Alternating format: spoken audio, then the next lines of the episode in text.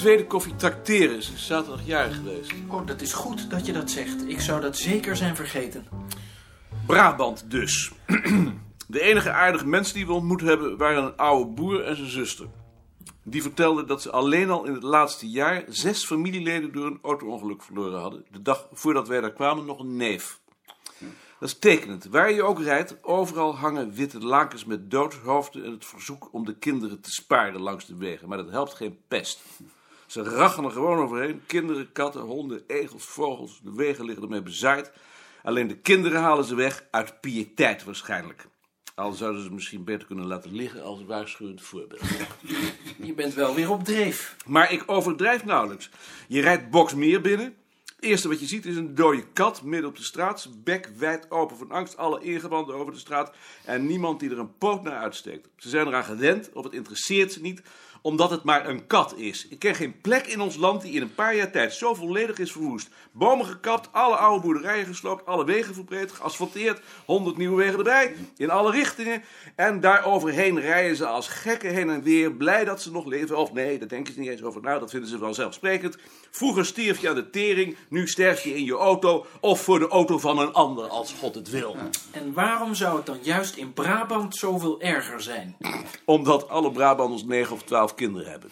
Vroeger gingen die dood, maar tegenwoordig blijven ze leven en moeten ze allemaal een varkensmesterij, een bungalow en een auto hebben en een stuk weg om naar hun moeder te rijden. Dat zeg je alleen maar omdat ze in Brabant katholiek zijn. Tuurlijk, maar dat verandert aan de feiten niets. Denk je nou heus dat dat bij gereformeerden anders is? Ik denk dat er tussen Friesland en Brabant wat dat betreft geen enkel verschil is. Friesland ontvolkt. Ja, maar dat ligt dan toch niet aan het kinderen krijgen? En waar ligt het dan aan als het niet aan het kinderen krijgen Het is Bart? alleen omdat jullie een afkeer hebt van kinderen. Redelijk, Bart. Als een arm heidegebied in één generatie verandert in een dichtbevolkt, intensief bebouwd tuinbouwgebied, of hoe je die bio-industrie noemen moet, hoe kun je dat dan anders verklaren dan uit een enorme bevolkingsexplosie? En uit de kinderbijslag natuurlijk. Dat zeg je alleen omdat het toevallig katholieken zijn. En omdat ze in Brabant een hekel hebben aan de VARA. Als het toevallig negers waren, dan zou je dat niet durven zeggen. Waarom zou ik dat van negers niet durven zeggen? Als ik in een dolle bui ben, zeg ik het ook van negen. Weet je wie het zijn, die Brabant verknoeien? Dat zijn de Brabanders niet, dat zijn wij, die daar gaan wonen. En dat die mensen zoveel kinderen krijgen, is hun enige verzet tegen onze discriminatie. Goed.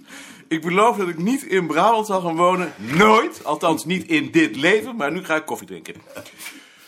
Eh, willen jullie eens naar dat artikel kijken? Heb je het al gevraagd? nog niet. Ze willen de bomen in de tuin kandelaberen. Wie? De tuinmannen, omdat er zo in de tuin niks wil groeien. Godverdomme, zijn ze nou helemaal gek geworden? Balk vindt het goed. Mia heeft al aan Rentjes gevraagd of hij niet eens met Balk wil praten. Maar we geloven niet dat Rentjes dat zal doen. Die heeft wel een grote bek. Maar als het voor wat anders is als voor zichzelf, doet hij niks. Wil jij dat niet doen? Als ik Balk vraag om ze niet te laten kandelaberen, geeft hij opdracht om ze te laten kappen. Dat geloof ik niet. Je hebt meer invloed op hem dan je denkt. Ik zal zien. Ken jij Aad Ritsen? Nee, Aad Ritsen. Maarten Koning. Jij bent hier nieuw? Ja, op volkstaal. Dat houdt bij jullie ook nooit op. DH moet en zal de grootste afdeling hebben. Voor mij mag ze. Ja, jij bent in Brabant geweest, hè? Heeft Tjitske jou al gevraagd of je met Balk wilt praten, Maarten? Ja. Ja, ik ben in Brabant geweest, drie dagen. Hoe was dat? Verschrikkelijk. Verschrikkelijk. Verschrikkelijk. Ja, wat was er zo verschrikkelijk? Alles. Het land, de mensen. Eén hangt met het ander samen natuurlijk. Ja, eh, je vergeet toch niet dat ik uit Brabant kom, hè? Voor jou wil ik een uitzondering maken, maar daarbij moet het wel blijven. Wat heb jij tegen Brabander? Dat ze ronde hoofden hebben en een uitgesproken domme uitdrukking in hun ogen. Ik heb één, één intelligente man en één intelligente vrouw ontmoet. Een oude boer en zijn zuster, maar die hadden ook allebei een lang hoofd, geen rond. Ik denk eigenlijk dat het Limburgers waren. Oh. Zijn ze op jouw afdeling allemaal zo discriminerend? Het is ons vak. Een mooi voorbeeld is de perceelsnaam het Gouden Boomtje in de Zuidhoek bij Sint Maartensdijk. De overlevering zegt dat in dit weiland vroeger een boom stond... waaronder in de oorlog een schat verborgen werd. Er is vaker gezocht, maar hij is nooit gevonden. Nou blijkt uit de archivalia duidelijk dat die naam ontstaan is uit gouden bodem. Ja, mooi, ja. Koos, heb jij al met Jaap over die bomen gepraat? Gouden bol. Dum. Ja, ja, ja, ja, ja, ja, ja, ja, ja. Zullen we naar boven gaan?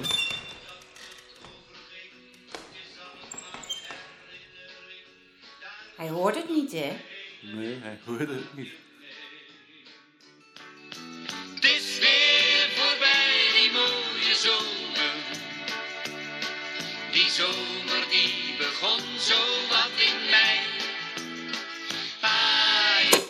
Sien, hou ons niet langer in onzekerheid, want we barsten van de honger. Nou, stel je er maar niets van voor, hoor. Tuurlijk stellen we ons wat van voor. Jullie krijgen eerst allemaal een servetje. Toch niet om te eten? Hoe zie je dat nou zo gauw? Dat is het oog van de huisvrouw. En ik ben niet eens een huisvrouw. Wat zijn dat nou? Zeeuwse bolussen. Sien, je gaat me toch niet vertellen dat je die zelf gebakken hebt? Ja, natuurlijk. Ik bak alles zelf. Als jullie er nou allemaal één nemen. Nou, het is haast niet te geloven. Dat zou een banketbakker je niet verbeteren. Heb je in het weekend gebakken? Deze komen uit de diepvries. Kan dat dan? Natuurlijk kan dat. Mijn weinigstol zit ook al in de diepvries. Daar merk je niets van. Ja. Je moet er alleen niet aan denken dat je voor kerstmis doodgaat. Hij zocht naar een anekdote om de opmerking te neutraliseren. Hij herinnerde zich alleen zijn pap die hij s'avonds klaarzette in de kast, erop vertrouwend dat hij haar de volgende ochtend zou kunnen eten. Maar hij vond dat te intiem. De pap van de baas, daar praat men niet over.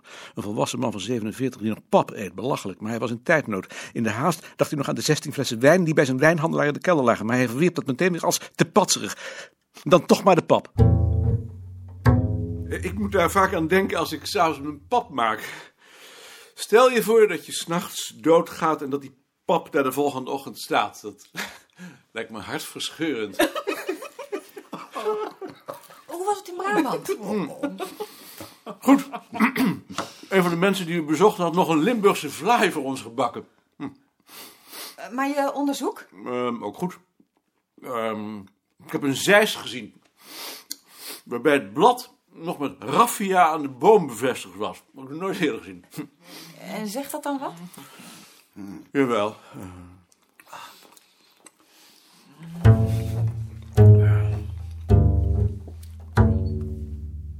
Ik ben het natuurlijk wel met je eens dat de bossen in Brabant ontsierd worden door al die bungalowparken. Daarom hebben Marion en ik ook geen bungalow gehuurd, maar een gerestaureerd boerderijtje. Dat is dan in ieder geval wat. Ja. Hebben jullie dat artikel al gelezen? Het artikel van Bohes over de Brabantse dagen. Kom jij er ook even bij, Alt? Bart, Ik zou eigenlijk liever eerst weten wat jullie ervan vinden. Ad vindt dat we het niet moeten opnemen. En ik vind dat ook. Dat ben ik dan dit keer niet met jullie eens. Waarom niet? Omdat ik dit stuk niet minder vind dan alle andere stukken die wel in ons tijdschrift worden opgenomen. Wil je daarmee zeggen dat je dit een goed stuk vindt? Nee, ik vind het geen goed stuk, maar de andere stukken vind ik ook niet goed en die worden wel geplaatst. Over die andere stukken is ons oordeel niet gevraagd. Dat kan wel zijn, maar als redacteur ben je er wel verantwoordelijk voor, dus ik vind dat je dit stuk dan ook moet opnemen. Dat is toch voor onzin? Als ze mijn oordeel niet vragen, dan ben ik toch niet verantwoordelijk? Wel als je naam op de kaft staat als redacteur. Redacteur voor Nederland. Dat maakt voor de lezer geen verschil. Als die jouw naam ziet staan, dan gaat hij ervan uit dat jij het ermee eens bent wat erin staat. En ik vind dat je dan niet ineens andere maatstaven kunt aanleggen. Dat is discriminerend. Dus jij zou het opnemen? Nee, dat zeg ik niet. Ik zou alleen geen redacteur willen zijn als ik het zo'n slecht tijdschrift vond als jij het vindt. En als het dan moet, omdat het bij je functie hoort? Dan zou ik voor die functie bedanken. Goed, dank je. Ik zal er eens over nadenken. Je hoeft je van mijn standpunt niets aan te trekken. Jij vraagt mij alleen naar mijn mening en die geef ik je. Ik zal me er niets van aantrekken.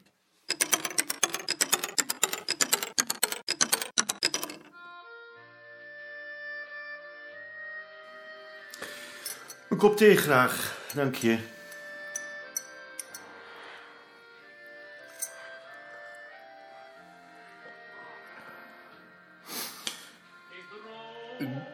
Bomen in de tuin. Wat is daarmee? Ik heb gehoord dat die worden gekandelaberd. Ja, en? Dat is natuurlijk jouw beslissing. Ik wil die niet aanvechten, maar het lijkt me toch goed dat je weet dat daarover enige verontrusting is ontstaan. Verontrusting? Waarom? Het zijn de enige bomen in dit blok en er zitten uilen. Uilen? We horen ze regelmatig en Wiegersma heeft er onlangs nog een gezien. In een van die bomen, een bosuil. Heb je die dan in de stad? Dat wist ik ook niet. Als die bomen gekandelaberd worden, is dat voor die uilen een ramp natuurlijk. Ik zal er nog eens over denken.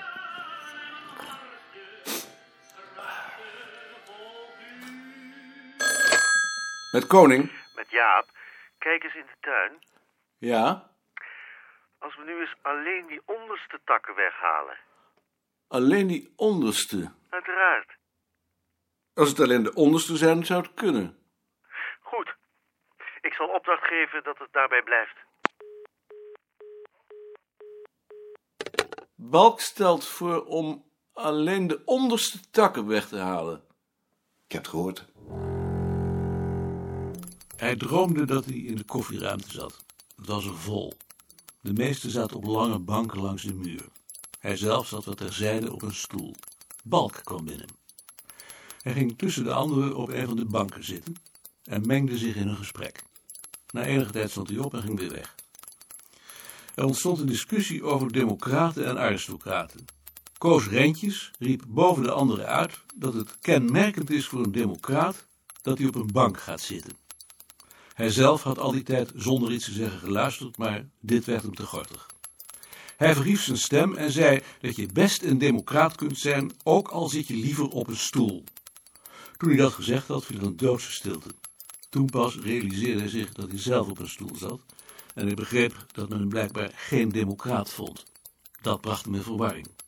Ik bedoel, zei hij, in een poging de situatie te redden, dat je best een proleet kunt zijn, ook al zit je op een bank. Het volgende ogenblik besefte hij dat hij het met die opmerking alleen maar erger had gemaakt. Een proleet is immers per definitie een democraat. Terwijl een aristocraat niet met proleten discussieert, zeker niet met een proleet die afwezig is. Hij schaamde zich en werd wakker, ontevreden over zichzelf.